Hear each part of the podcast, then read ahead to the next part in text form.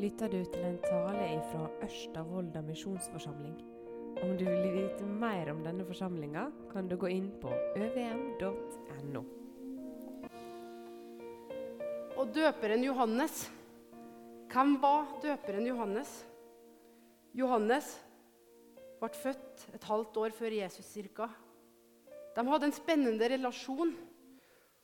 For både Elisabeth og Sakarias har fått beskjed, og Maria og Josef har fått beskjed om at barna deres skulle bli noe helt spesielt. Johannes skulle bli til glede for Gud og glede for mange. Han skulle få mange i Israel til å vende om, og han skulle gå foran. Som vi leser at han er veirydder, budbærer og døper. Maria og Josef fikk barnet Jesus. Og han fikk navnet Jesus, for han skulle frelse sitt folk fra deres synder. Maria og Elisabeth var i slekt. Men så kan vi gå tilbake til Matteus kapittel 3. Der står det litt mer om Johannes og hvem han var. Jeg har lyst til å lese eh, fra Matteus kapittel 3, vers 1. I de dager sto døperen Johannes fram og forkynte i Judeas ørken. Han sa, 'Omvend dere, for himlenes rike er kommet nær.' Det er ham det er talt om av profeten Jesaja, som sier, 'Det er en røst av en som roper i ørkenen:" 'Rydd Herrens vei, gjør hans stier rette.'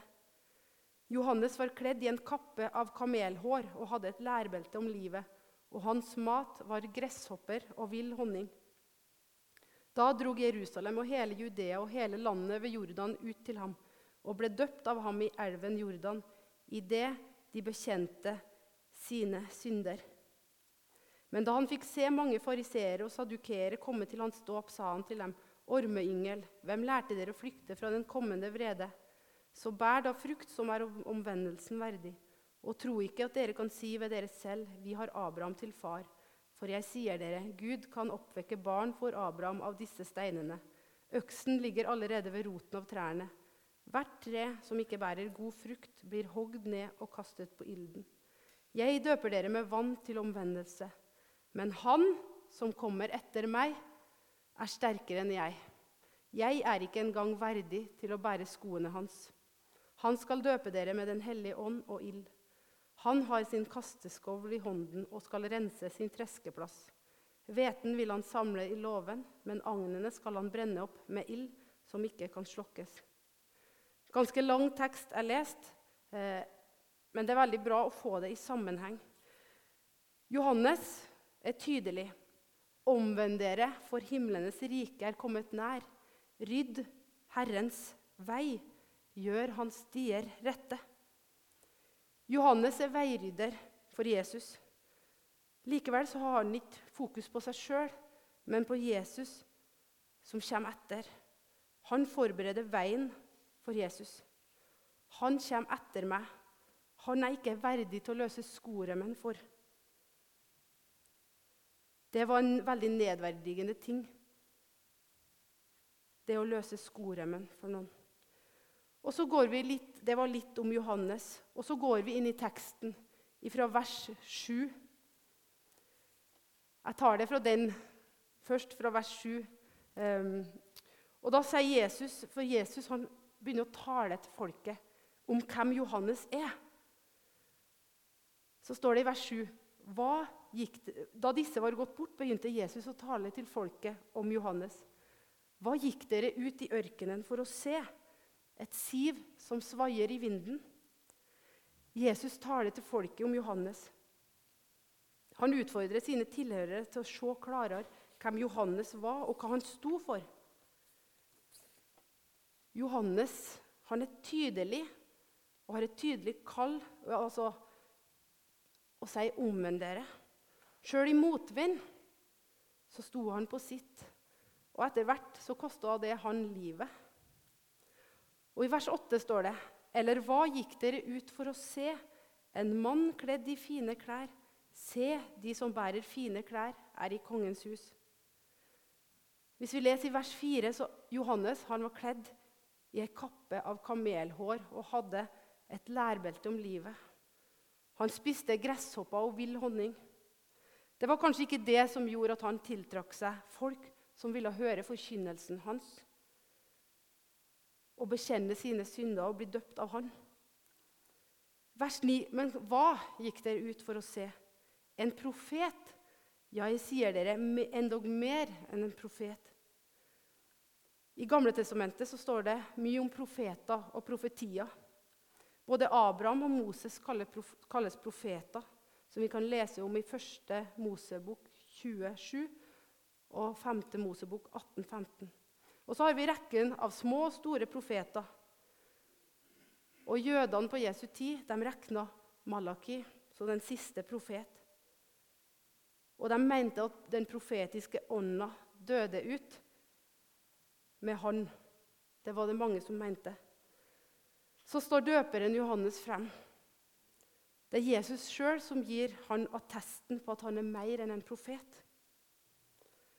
Så står det i vers 10.: Det er om ham dette er skrevet. Se, jeg sender min budbærer foran deg. Han skal rydde din vei for deg. Jesus henviser til Johannes som budbæreren som rydder vei for selveste Jesus. Kongen. Og det var nettopp i Malaki kapittel 3.1. Det var nettopp den siste GT, Gamletestamentet-profeten Malaki, i kapittel 3.1, som varsla at Herren skulle sende sin budbærer. Men budbæreren det var ikke han som var hovedperson sjøl. Men han skulle forberede veien for Herrens eget komme. Døperen Johannes er budbæreren, men Jesus er hovedperson.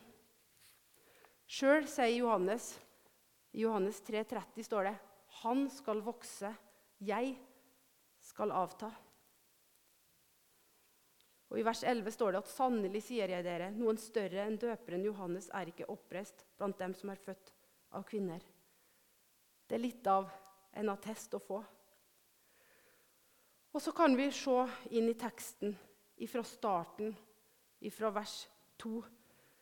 Bakgrunnen for denne teksten Jesus har nettopp sendt ut disiplene og forberedt dem til tjenesten. Forberedt dem på forfølgelse, det å ha gudsfrykt. At de ikke skal frykte, og at de skal bekjenne Kristus for mennesker og sette Jesus først. Han har gjort dem klar for oppdraget. Og så er Johannes fengsla pga. moralpreken mot Herodes. Fordi han sa at han ikke kunne leve sammen med sin brors kone. Og så har Johannes hørt om alt Jesus gjorde, alle hans undergjerninger. Og så sender han da bud med disiplene om at de skulle stille Jesus det her spørsmålet i vers 3. Er du den som skal komme, eller skal vi vente en annen? Hvorfor spør Johannes om det her? Har Johannes kommet i troskrise? Har han kommet i tvil? Trenger han en bekreftelse på det her fra Jesus sjøl. Er du, Jesus, den som skal komme, eller skal vi vente en annen? Det spørsmålet stiller folk seg i dag òg, både kristne og ikke-kristne. Vi kan komme i tvil. Og så er de som driver og tolker tekstene, er gjerne uenige om hvorfor Johannes sendte disiplene av gårde.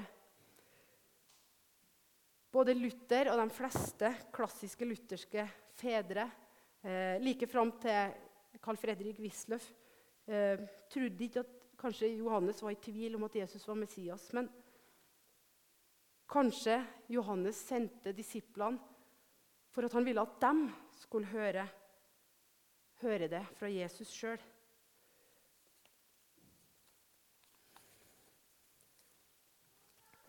Men de fleste kanskje vil mene at Johannes virkelig var kommet i stor tvil om hvem Jesus var.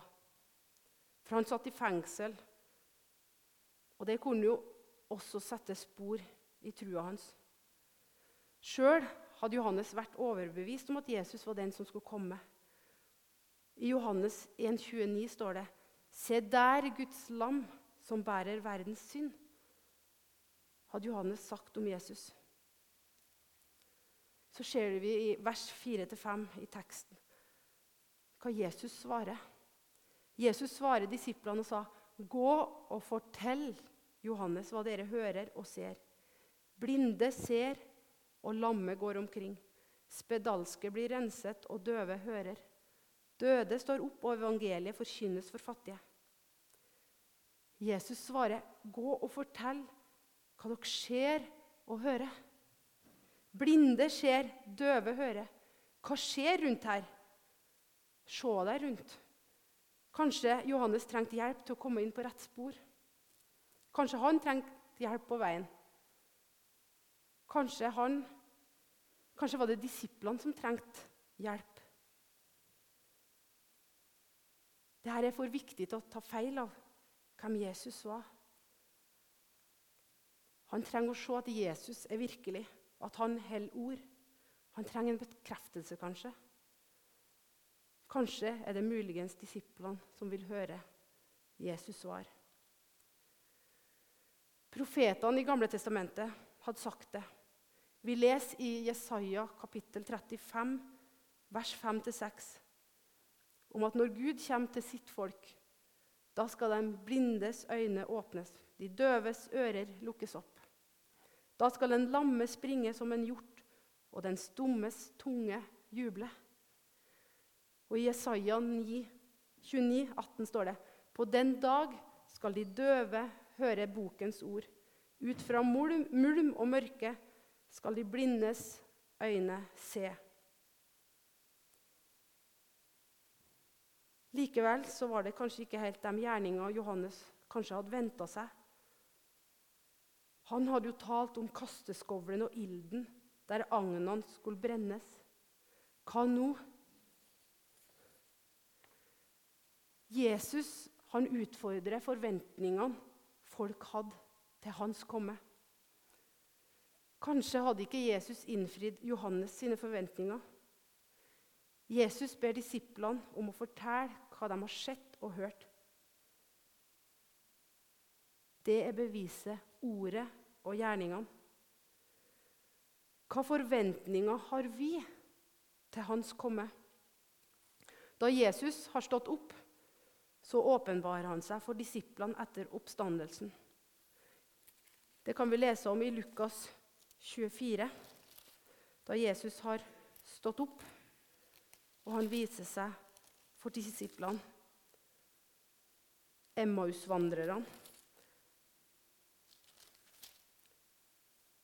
Og de sier i, i, vers 21 i kapittel 24 at men vi håpet at han var den som skulle forløse Israel. Og nå er det alt tredje dagen siden disse ting skjedde. Og så må Jesus begynne fra Moses og fra alle profetene. Og så la han ut for dem alle skriftene, det som er skrevet om han. står det i vers 27. 27. Og hele Gamletestamentet peker fram mot Jesus. De to disiplene, Emmausvandrerne, de hadde feilaktig, feilaktig oppfatning av Gammeltestamentets lære. Og Da var det kanskje også naturlig at deres oppfatning av Jesu korsfestelse at det ble feil, og at Jesus måtte forklare dem hva det betydde.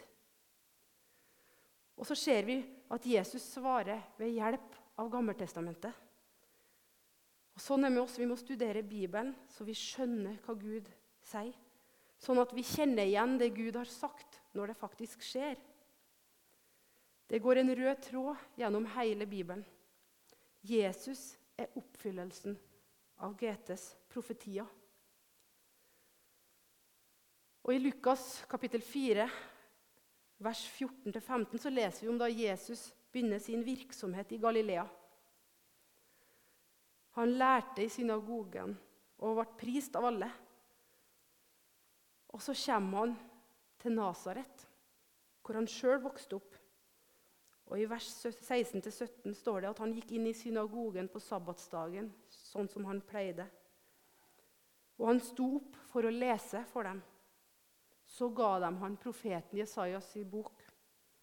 Og da han hadde åpna boka, fant han stedet der det står skrevet, i vers 18-19. Herrens ånd er over meg, for han har salvet meg til å forkynne evangeliet for fattige. Han har sendt meg for å forkynne for fanger at de skal få frihet, og for blinde at de skal få syn, for å sette undertrykte fri, for å forkynne et nådens år fra Herren.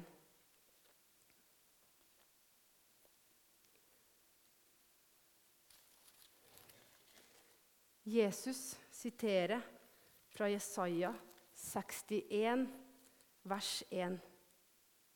Herren, Herrens ånd er over meg, fordi Herren har salvet meg til å forkynne et godt budskap for de elendige. Han har sendt meg til å forbinde dem som har et sønderbrutt hjerte, til å utrope frihet for de fangne og frigjørelse for de bundne. Til å utrope et nådens år fra Herren. Jesus kommer med frelse. Dommen hører fremtida til. Nå er frelsens dag. Jesus har kommet, ikke for å dømme verden, men for at verden skal bli frelst ved Han. Johannes 3, 17. For Gud sendte ikke sin sønn til verden for å dømme verden, men for at verden skulle bli frelst ved ham. Jesus dropper det om hevnens dag når han leser. Han fokuserer på frelsen. Dommens dag hører framtida til. Nå er frelsens dag, et nådens år fra Herren. Så står det i vers 20 i Lukas, det vi leste i stad, at Jesus han lukka boka, gav den til tjeneren og satte seg. Alle som var i synagogen, hadde sine øyne festet på ham. Se for deg det, at han står og taler til dem. Og så står de der både med forundring og Hvordan kan han tale sånn som han gjør? Så sier Jesus til dem i vers 21 og vers 22.: I dag er dette Skriftens ord blitt oppfylt for ørene deres. Alle gav ham vitnesbyrd og undret seg over de nådens ord som lød fra hans munn. Og de sa, Er ikke dette Josefs sønn? De visste godt hvem Jesus var i utgangspunktet. Men likevel så blir han forkasta i Nasaret, hvor han sjøl vokste opp. Han ble ikke godtatt på sitt hjemsted. Så sier Jesus i vers 24 at ingen profet blir godtatt på sitt hjemsted. Så drog han videre til Kapernaum. Og Der står det også at de ble slått av undring over hans lære, for hans tale var med myndighet. Jesus, er du den som skal komme, eller skal vi vente en annen? Hvem er Jesus for oss i dag? Det som skjer, er oppfyllelse av Guds løfter, av GTs løfter. Blindes øyne åpnes og døve ører lukkes opp. Og så skal vi få ha en evig glede i trua på Jesus. Det står i Jesaja 35 og vers 7 og videre. Etter vi har lest om at den lamme skal springe som en hjort, og den stummes tunge juble. For kilder bryter fram i ørkenen og bekker i ødemarken. Det glødende sandhavet skal bli til en sjø, det tørste land til vannrike kilder. På det sted hvor sjakalene hvilte, er det vekst av siv og rør. Det skal være en ryddet vei, og den skal kalles Den hellige vei. Ingen uren skal gå på den, men den hører hans folk til. Ingen veifarende, ikke engang dårer, skal fare vill. Der skal ingen løve være, intet rovdyr skal komme opp på den. De skal ikke finnes der. Herrens forløste skal vende tilbake og komme til Sion med frydesang. Evig glede er det over deres hode. Fryd og glede skal de nå. Sorg og sukk skal fly. Vi har en evig glede i troen på Jesus. Og sjøl om Jesus ja, han kom med frelse, så skal han komme igjen. for å dømme levende og døde. Men nå skal vi få feire at Jesus kom for å frelse oss fra våre synder. Og så står det i vers 6 i teksten at, i Matteus 11.: Salig er den som ikke faller fra, som ikke tar anstøt. Det opplever vi rundt oss, at mange, når vi sier vi tror på Jesus, så kan vi komme i tvil det har jeg opplevd sjøl. Er det virkelig sant når det er så mange som ikke tror på Jesus? Samtidig er det en oppmuntring til å holde oss nær til Jesus. Og så står det i Bibelen at den som holder ut til enden, han skal bli frelst. Og så står det også at dere skal bli hata av alle for mitt navns skyld. Jesus skal komme igjen. Og da gjelder det å høre Han til. Vi vet ikke hva morgendagen bringer av sykdom eller lignende. Men Guds ord står fast til evig tid. Hans løfter hell. I Johannes 5, 24 står det.: Den som hører mitt ord og tror på Ham som har sendt meg, har evig liv og kommer ikke for dommen, men er gått over fra døden til livet. Vi har et himmelhåp i trua på Jesus. I Kolosserne 1,27 står det 'Kristus i oss, håpet om herlighet'.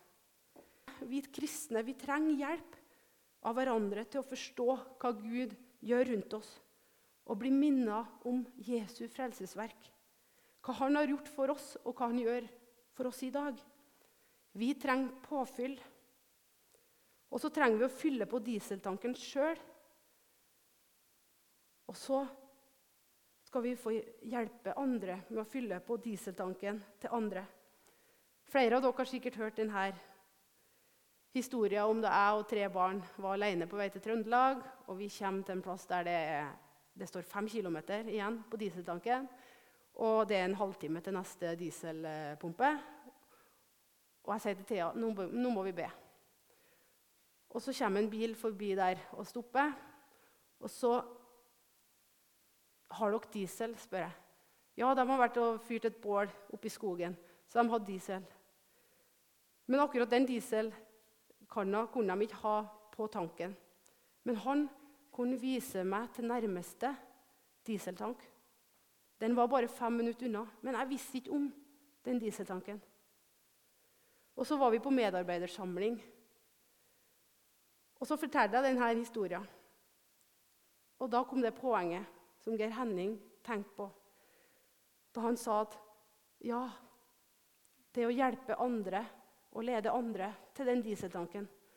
Å hjelpe hverandre til å fylle dieseltanken. Og så opplevde jeg det sist helg på stranda. Jeg opplevde akkurat det her.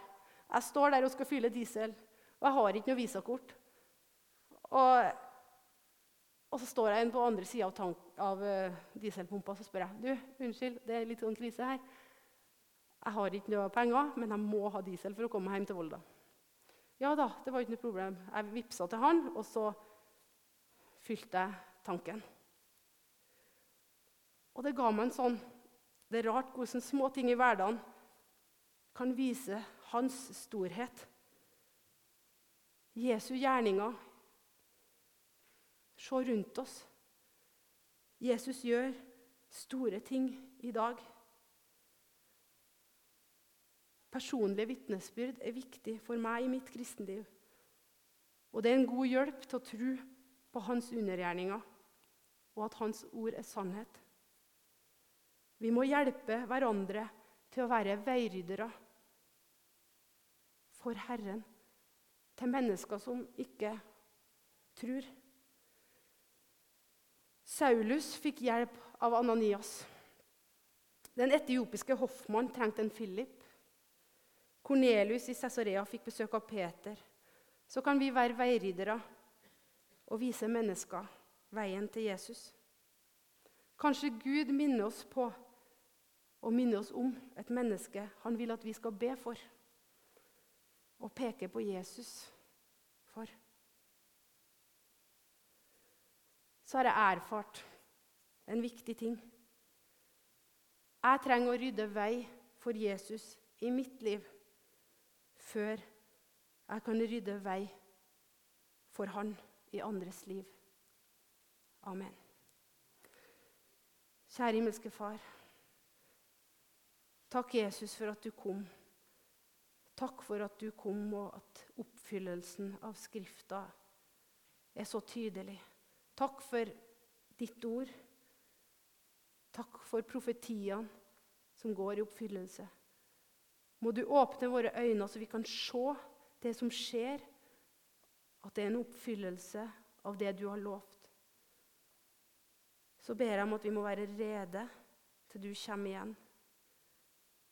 Jeg ber Jesus om at vi må løfte deg fram og ikke være redde for hva folk sier. For vi kan ikke la være å tale om det vi har sett og hørt. Hjelpe oss til å være medvandrere. Hjelpe oss til å peke på deg for hverandre. Jeg ber om at du må vise oss mer av hvem du er. La oss ha forventninger til ditt komme. La oss ha forventninger Jesus, til hva du kan gjøre i våre liv. I Jesu navn. Amen.